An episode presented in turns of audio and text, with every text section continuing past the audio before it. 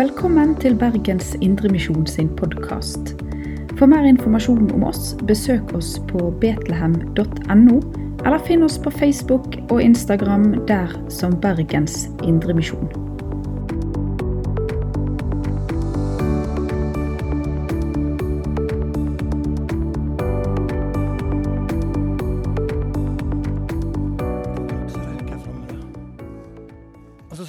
At Hvis jeg nå går og prøver å koble sammen dette her, da blir det sånn som i den Reodor Felgen-filmen, der han sitter liksom og holder han Ludvig holder. Husker dere den? Og det gnistrer. og jeg liksom tenkte, Skal jeg gå og prøve også? Men jeg tror jeg røyk noe her framme. Kanskje, Jeg vet ikke det. Jeg er bare så imponert over folk som kan gå ned i et sånt rom under gulvet og stikke noen plasser her og der, og så bort der, og så, og så får de det til, på en måte. Skjønner ikke det. Helt imponert eh, over sånne folk som får til sånne ting. Men nok om det. Ehm, jeg heter Gunnar Ferstad, ja, fortsatt. Eh, og eh, tenkte jeg skulle si bitte litt om bildet før jeg eh, preiker. For det er mest sannsynlig kanskje noen som har lyst til å høre litt. Aldri fått et spørsmål, og så tenkte jeg da kan jeg ta det sånn samla. Bare si litt om skolen. Status akkurat nå. Vi er jo inne i en ny sånn søkefase med tanke på neste år. Og, og folk lurer på er det bra med søkertall. Og det er bra. Det er veldig bra. Det har ikke vært så bra på lenge, faktisk. Og det er bra i år med studenter. Og eh, kanskje blir det tresifra til, til, eh, til høsten. da. Så vi har jo rulla ut som det heter i dag da, på, på språket. Da. Så vi rulla ut to nye linjer. Ei internasjonal linje som er inne i sitt første år. Og De er da ute på eh, fire måneders utenlandsopphold. Har vært to måneder i Egypt og er nå i Colombia og skal være der i, i to måneder. Så det er den, den nye linja. Der er en sånn begrensning på 15 stykker. og Den er fulltegna i år, og der er venteliste for neste år.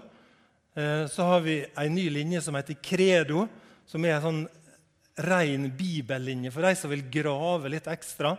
Så har vi da på en måte gått tilbake til røttene og, og etablert ei, ei bibellinje. Eh, og sammen med krikklinja vår så er det nå venteliste på de to linjene til sammen der også. da. Eh, så det ser veldig bra Der er 60 stykker til sammen på det. Eh, og så har vi da eh, bra søknad på de to andre linjene, som er lovsang og tjeneste. Så det kan plutselig bli tresifra til høsten. da. Det er veldig veldig kjekt. Så nå lurer vi på hvor vi skal legge folk ned.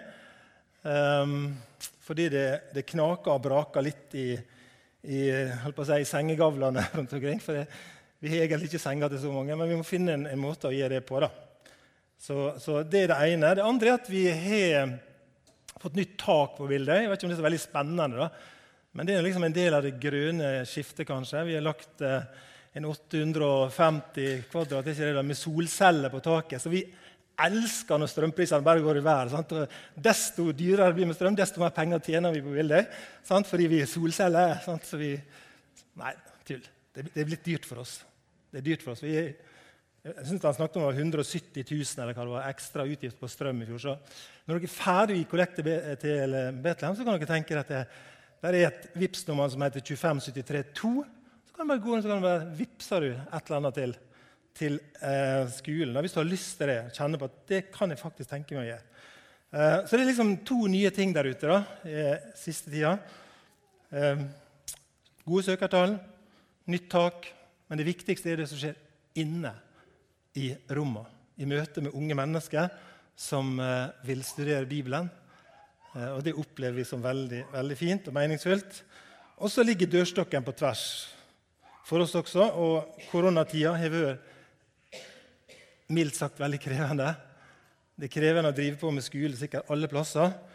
Og vi har de 24-7.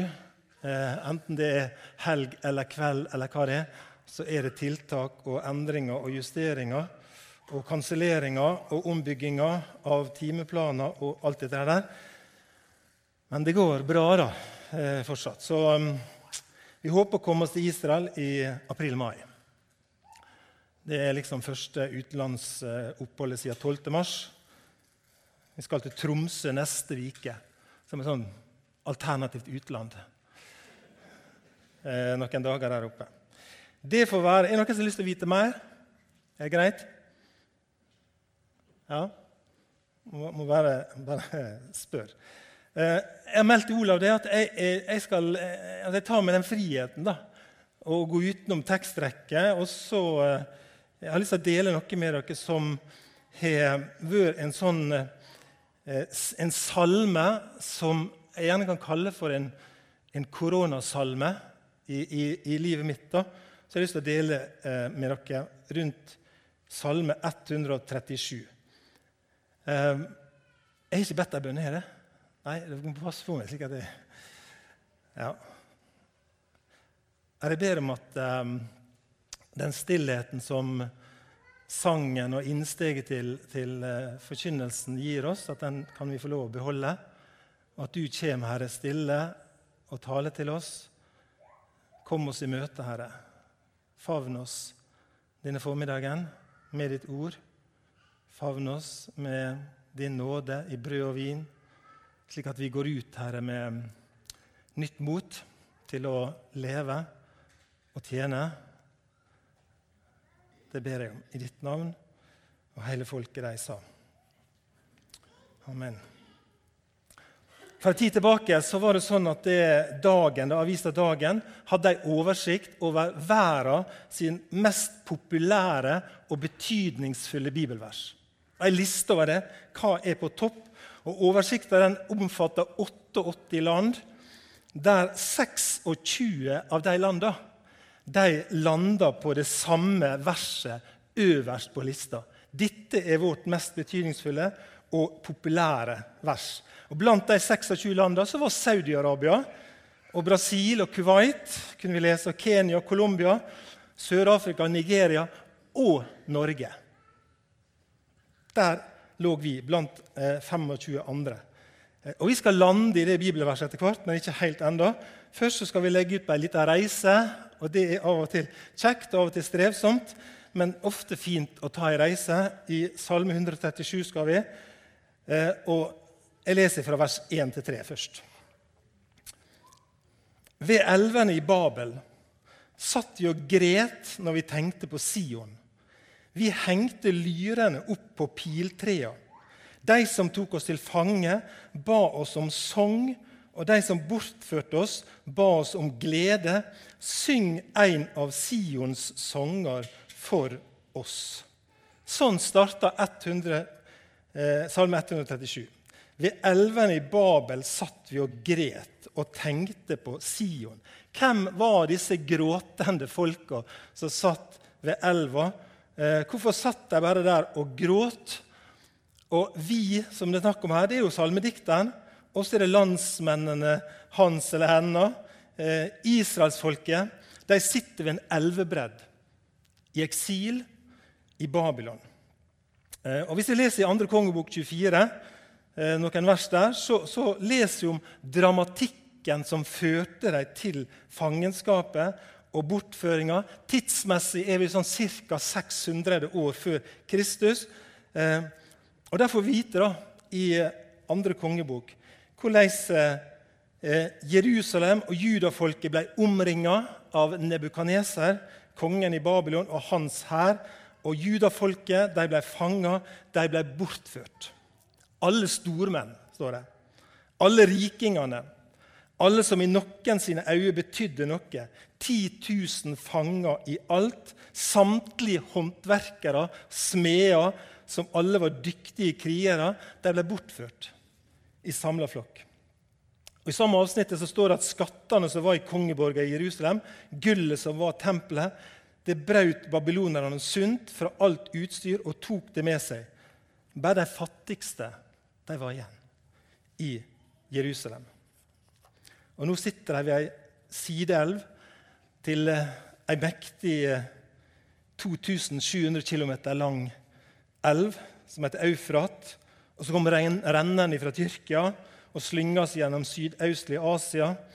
Og Der satt de og gråt, mens saltvannet fra tårene blanda seg med de babylonske elvene så hang instrumenta tause og opplina på trea. Og så får vi vite det, at de som hadde tatt dem til fange, de ville at de skulle begynne å synge. Og fangevokterne ba dem om glede. Og Da leser vi om hvordan de reagerte på den oppfordringa i Salme 137, fra vers 4. Hvordan kan vi synge Herrens sanger på framand jord? Gløymer jeg deg, Jerusalem, så la mi høyre hand bli gløymd. La tunga klistre seg til ganen om jeg ikke tenker på deg. Om jeg ikke setter Jerusalem høyere enn min største glede. De ber om sang, men det blir ingen sang. Det er lettere for han Jostein Myklebust å få lyd ut av oss enn det var for disse folka å få lyd ut av judafolket. De er bortført Eh, fra Sion. og Sion er jo et navn som blir brukt på en måte som et synonym til Jerusalem. Så, I dag tidlig satt jeg tenkte på det og tenkte, Var ikke det et kor i Betlehem som heter Sion? Strengemusikken Sion? Var, ikke det? var det et damekor? Det var et sånt blanda kor. Sion, strengemusikken. Jeg kom til å tenke på det. Dere som ikke har historier med dere fra Betlehem, Det var altså et kor som kalte seg for Sionssangere. Sionskoret. Var det det? Ja? Det er jo litt kjekt å tenke på. Eh, men dette her, Sions det var på en måte en høgde da, i Jerusalem, som, som også senere blir omtalt som Davidsbyen. Da. Eh, og vi, noen av oss har sikkert vært der utenfor Jerusalem. der. Eh, og så spør vi ja, men hvorfor var de så lei seg. Hvorfor hadde de så stor sorg? Hvorfor kunne de ikke synge iallfall én sang? Ett vers? Det kunne iallfall stemme litt. Nei, de hadde en sånn enorm kjærlighetssorg. De var så lei seg.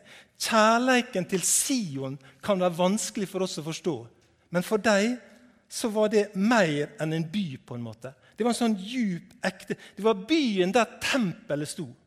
Det var byen der det var en hellig plass fordi Herren var der. Gud møtte dem der. Det var der han ville møte dem og vise seg. Han bodde der. Og det var knytta glede til denne byen. Det var knytta håp til denne byen her. Og nå var de skilt ifra det. Og De klarte ikke å synge. Hvordan kan vi det? Og Salme 84 er jo en salme som er skrevet av noen som blir omtalt som kor av sangerne. Sant?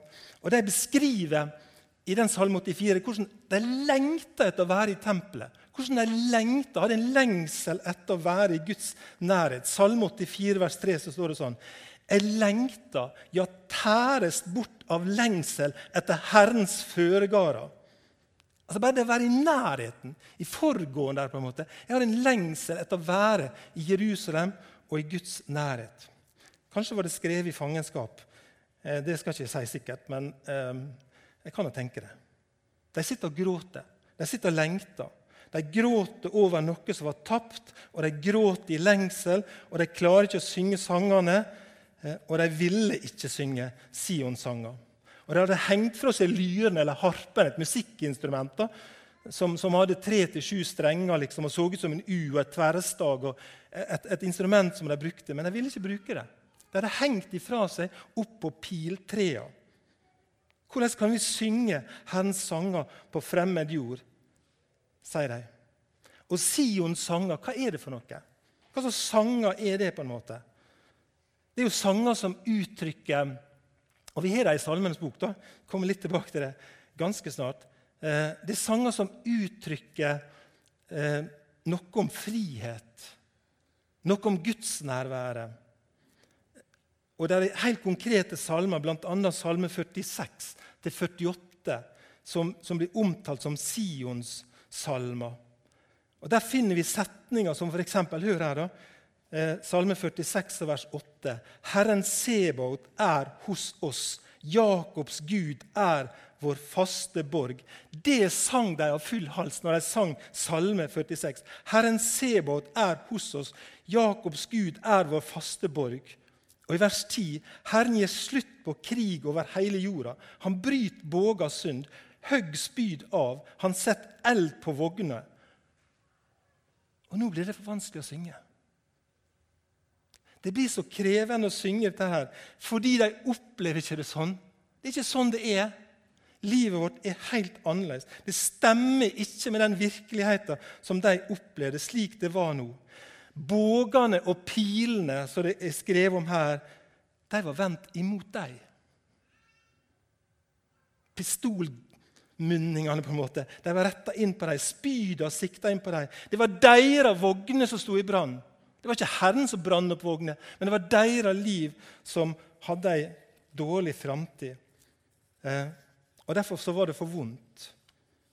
Og I Salme 47, en annen av disse her, så står det 'Stor er Herren og verdig og lov og pris i vår Guds by, på Hans hellige fjell, fagert og høgt Ei glede for hele jorda er Sionsfjellet lengst i nord, den store kongens by.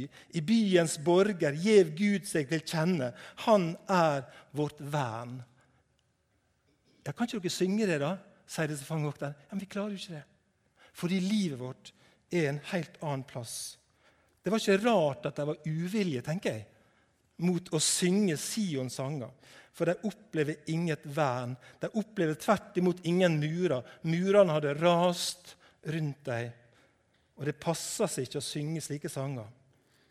De var der i Babel nå, mot sin vilje. De hadde ikke ønska det. De hadde ikke bedt om det. De ville stå på et fjell og lovsynge, men de satt ved ei elv og gråt, som fanger og som bortførte og i deres øyne så var det noen andre som hadde skyld i det. Der satt de.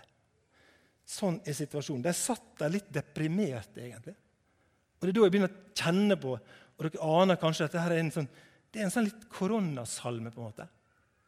Det er noe som har ført dem dit, noe som jeg ikke ønska. De satt der og hadde alle kjennetegn på Altså Hadde jeg oppsøkt fastlegen sin, så vil jeg tro at han hadde sagt at dere er jo deprimert. Dere har jo så mørke og tunge tanker om livet. Dere sitter jo bare her helt apat. Dere er jo gitt opp. Jeg sjukmelder dere, eller jeg, jeg, jeg, henviser dere til psykolog. Dere trenger hjelp. Dere kan ikke sitte her. Um, og De satt der til og med med hevntanker, kan vi lese. Hvis du leser slutten av salmene, så, så sitter de og, og, og ekser seg opp og hisser seg opp over Edoms sønner. Og Det er noen kraftige vers der som jeg nesten jeg tror bare kan la være å lese det, men det handler om, om hevn. på en måte. Det er ikke bare at de, de depper sjøl, men de sitter der med en ønske om hevn over edomittene. Og Hvis du har lyst til å studere litt på det, så kan du lese i Sekel 35. Sånn som taleren bruker seg Når du kommer hjem i dag, så kan du sette deg og lese. så er det ingen som gjør det. Jeg vet det, men du, jeg kan jo si det likevel. Du kan gjøre det. Kanskje én gjør i dag. Sant? Men Esekiel 35 det gir et innblikk i hvorfor edomittene på en måte er sånn Jeg kaller det nesten et hatobjekt for, for judafolket nå. Fordi det var de som sto der, edomittene. De sto og heia på Nebukaneser. Det var sånn der, heia, Riv ned murene, plyndre byen. Sånn. Kom igjen, kjør på, ødelegg. Og Det var edomittene, står det, med litt andre ord enn det jeg brukte nå. da. Men det handler om at det, de ville ikke judafolket og, og Jerusalem vel. Og så satt de der med eh, tunge tanker, hevntanker, og de lengta tilbake, satt ved elv og gråt og hadde én tanke og én drøm, og det var vi må komme oss tilbake til Jerusalem. Står du? Der er de. Sånn er livet.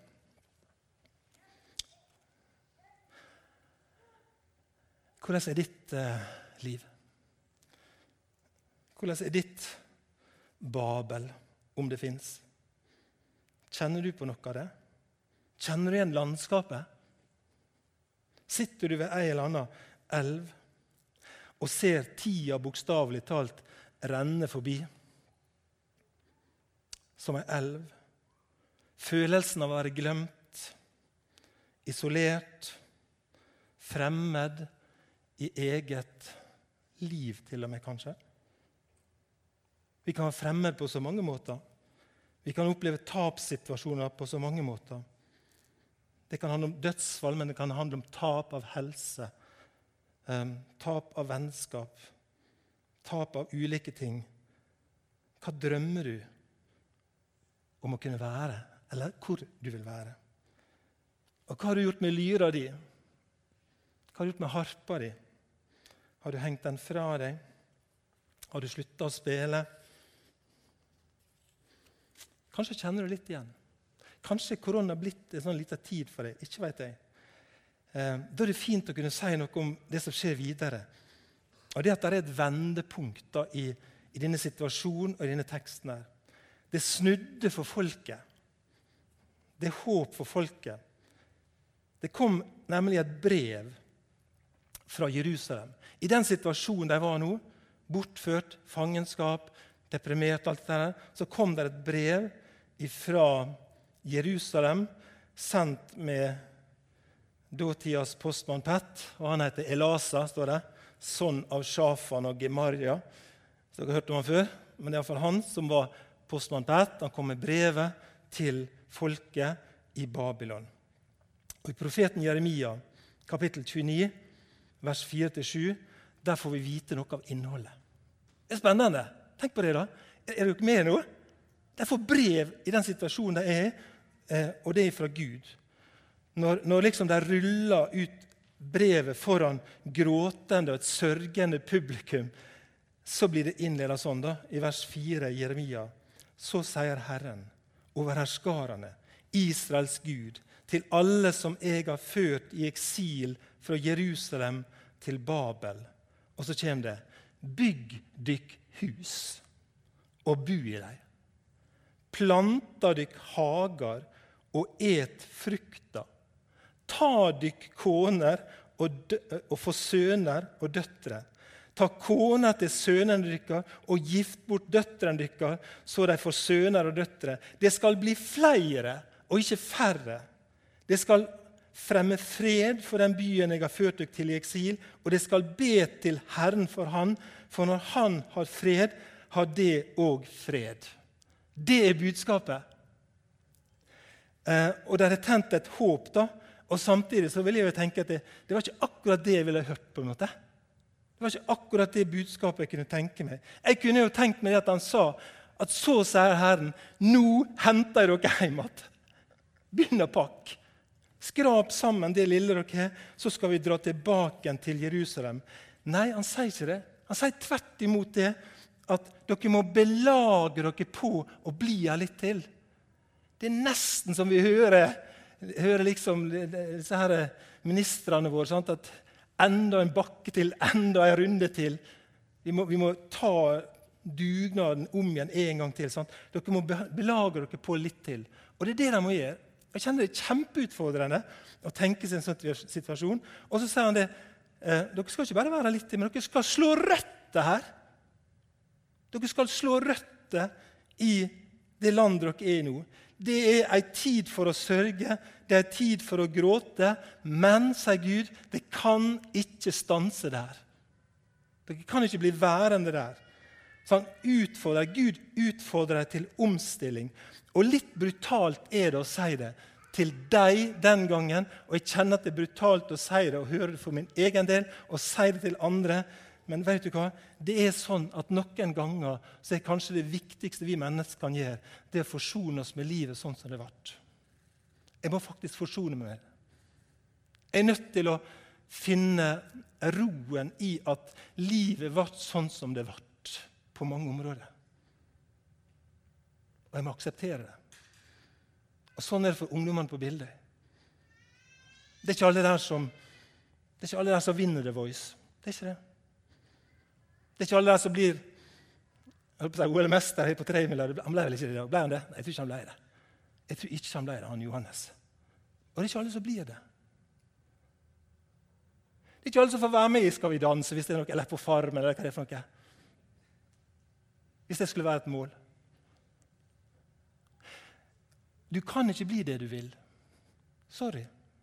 Det er noen som har fortalt oss litt tilbake at du kan bli hva du vil. Det er det største tøv som fins. Du kan ikke bli hva du vil. Jeg kommer aldri til å bli verdensmester i hekkeløp. Selv om jeg ville det.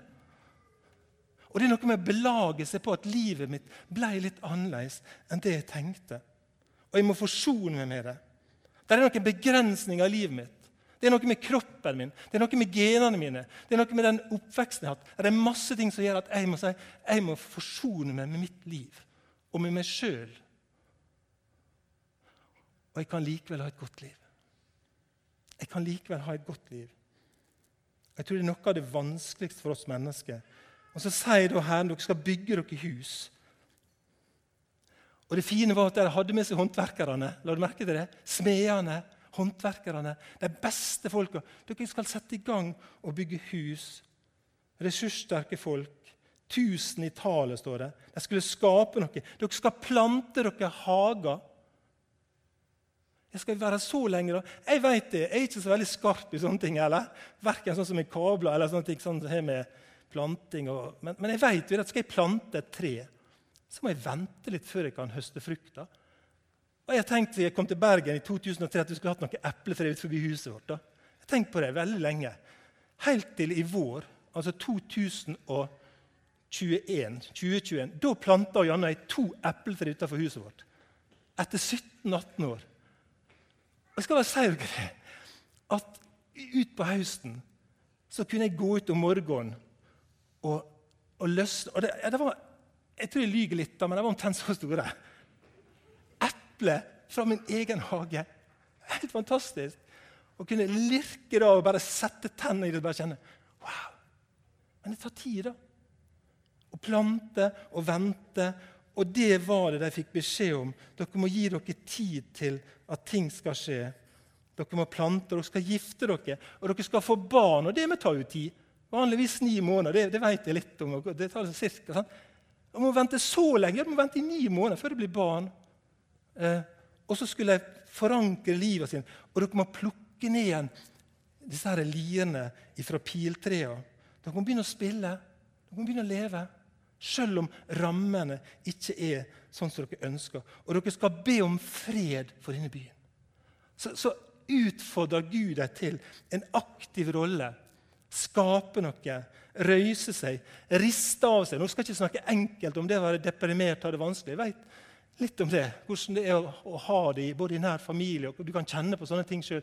Men det er akkurat som han sier, røys dere, begynn å arbeide. Begynn å gjøre noe, skap noe. Dere må belage dere på å være her. Jeremia 29, vers 8-9, så popper det opp et fareskilt i denne situasjonen. her. Så jeg har også lyst til å gi noen få setninger. Da. Det står at så sier Herren over herskarenes Israels Gud. La dykk ikke narre av profetene og spåmennene som er hos dykk. Og hør ikke på draumene de drømmer, for de profeterer løgn for dykk i mitt navn. Jeg har ikke sendt dem, sier Herren. La oss puste og tenke litt her. Eh, ordet løgnprofeter er et ord som eh, mange av oss er kjent med. Altså profeter som ikke snakker sant. Budskap som vi hører, som ikke stemmer. Og Det var noen løgnprofeter som prøvde å fortelle ting til folket som ikke Gud hadde sagt som ikke Gud hadde tenkt, som lurer oss til å tenke tanker som ikke er sanne, som snakker usant om våre liv, som snakker usant om vår verdi, som snakker usant om framtida vår, og til og med blander Gud inn i det. Og Her kan du tenke litt på det, fordi at jeg møter det stadig vekk. Hvem har sagt det? Hvem har fortalt det? I møter med ungdommene på bildet. Hvem har sagt at du ikke er verdifull. Hvem har fortalt deg det? Så har de noen løgntanker og noen løgnprofeter som en bærer med seg. Og så sier Gud noe annet. Han sier noe annet om livet enn det løgnprofetene sier. Det er ingenting nytt under sola, folkens. Det var den gang, og det er fortsatt. Vi er veldig mottagelige for falske tanker og falske røster når vi sørger. Er ikke vi det? Når vi, når vi er nedstemte, og så tenker vi ingen, ingen bryr seg om meg. Ja. Ingen tenker på meg. Ja. Og Det var jo det de tenkte. Sion sa, 'Herren har glemt oss, Herren har forlatt oss'. Husker du hva han svarte? Dere hva Gud svarte i trøsteboka, som hun heter? 'Glemme ei mor, sitt igjen barn'. Men det er sånne tanker en får dere når en sitter der ved elven i Babel og kjenner på at livet går meg imot, og livet er urettferdig, og jeg gråter mer og mindre deprimert ved ei eller annen elv, og kanskje til og med kan sitte med hevntanker. Det er da vi må holde fast på det Herren har sagt. Det da vi må holde fast på det Gud har sagt. Og det er her dere bibelverset som noen kanskje venter på. da som er mest populært i 26 av 88 land, kommer inn. da. Det er til mennesker som gråter over å være en annen plass enn de lengter etter å være. Det er til mennesker som ikke orker å synge glade sanger, for livet er for strevsomt akkurat nå. Det er til mennesker som har hengt ifra seg instrumenter, ulike ferdigheter, nådegaver og utrustning oppi et tre. Det er til deg disse ordene er adressert. Det er til deg som ufrivillig er på en plass eller en situasjon du ikke har bedt om. Det er til og med et ord til deg som sitter med negative hevntanker over andre. Dette ordet blir kviskra til. Og det er til deg som sitter med løgntanker om at ikke du har verdi og framtid. Det er da det lyder Jeremia 29, 11. For jeg veit hva tanker jeg har med dykk, sier Herren. Fredstanker og ikke ulike tanker. Jeg vil gi dykk framtid og vond.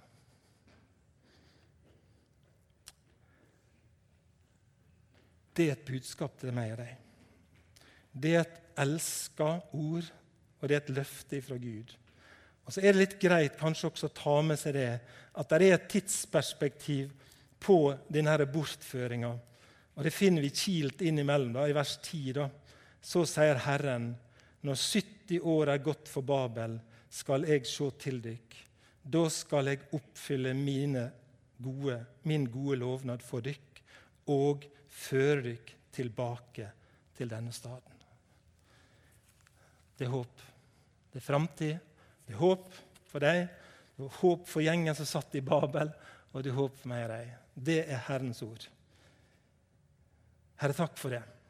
Takk at vi skal få lov å lene oss tilbake og vite det at på tross av ting så vil du gi oss framtid og håp. Så kan vi være utålmodige, kjenne på tidsperspektivet og kjenner på sorg og smerte og depresjon, eller hva det er, så har du sagt at du har framtid og håp for oss. Fredstanker for oss. Jeg takker deg for det. Takk at gårsdagen ikke skal få ta ifra oss trua og håpet for morgendagen. I ditt navn, Herre, og hele folket de sa.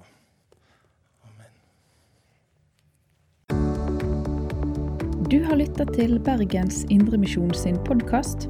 For mer informasjon om oss, besøk oss på betlehem.no, eller finn oss på Facebook og Instagram der som Bergens Indremisjon.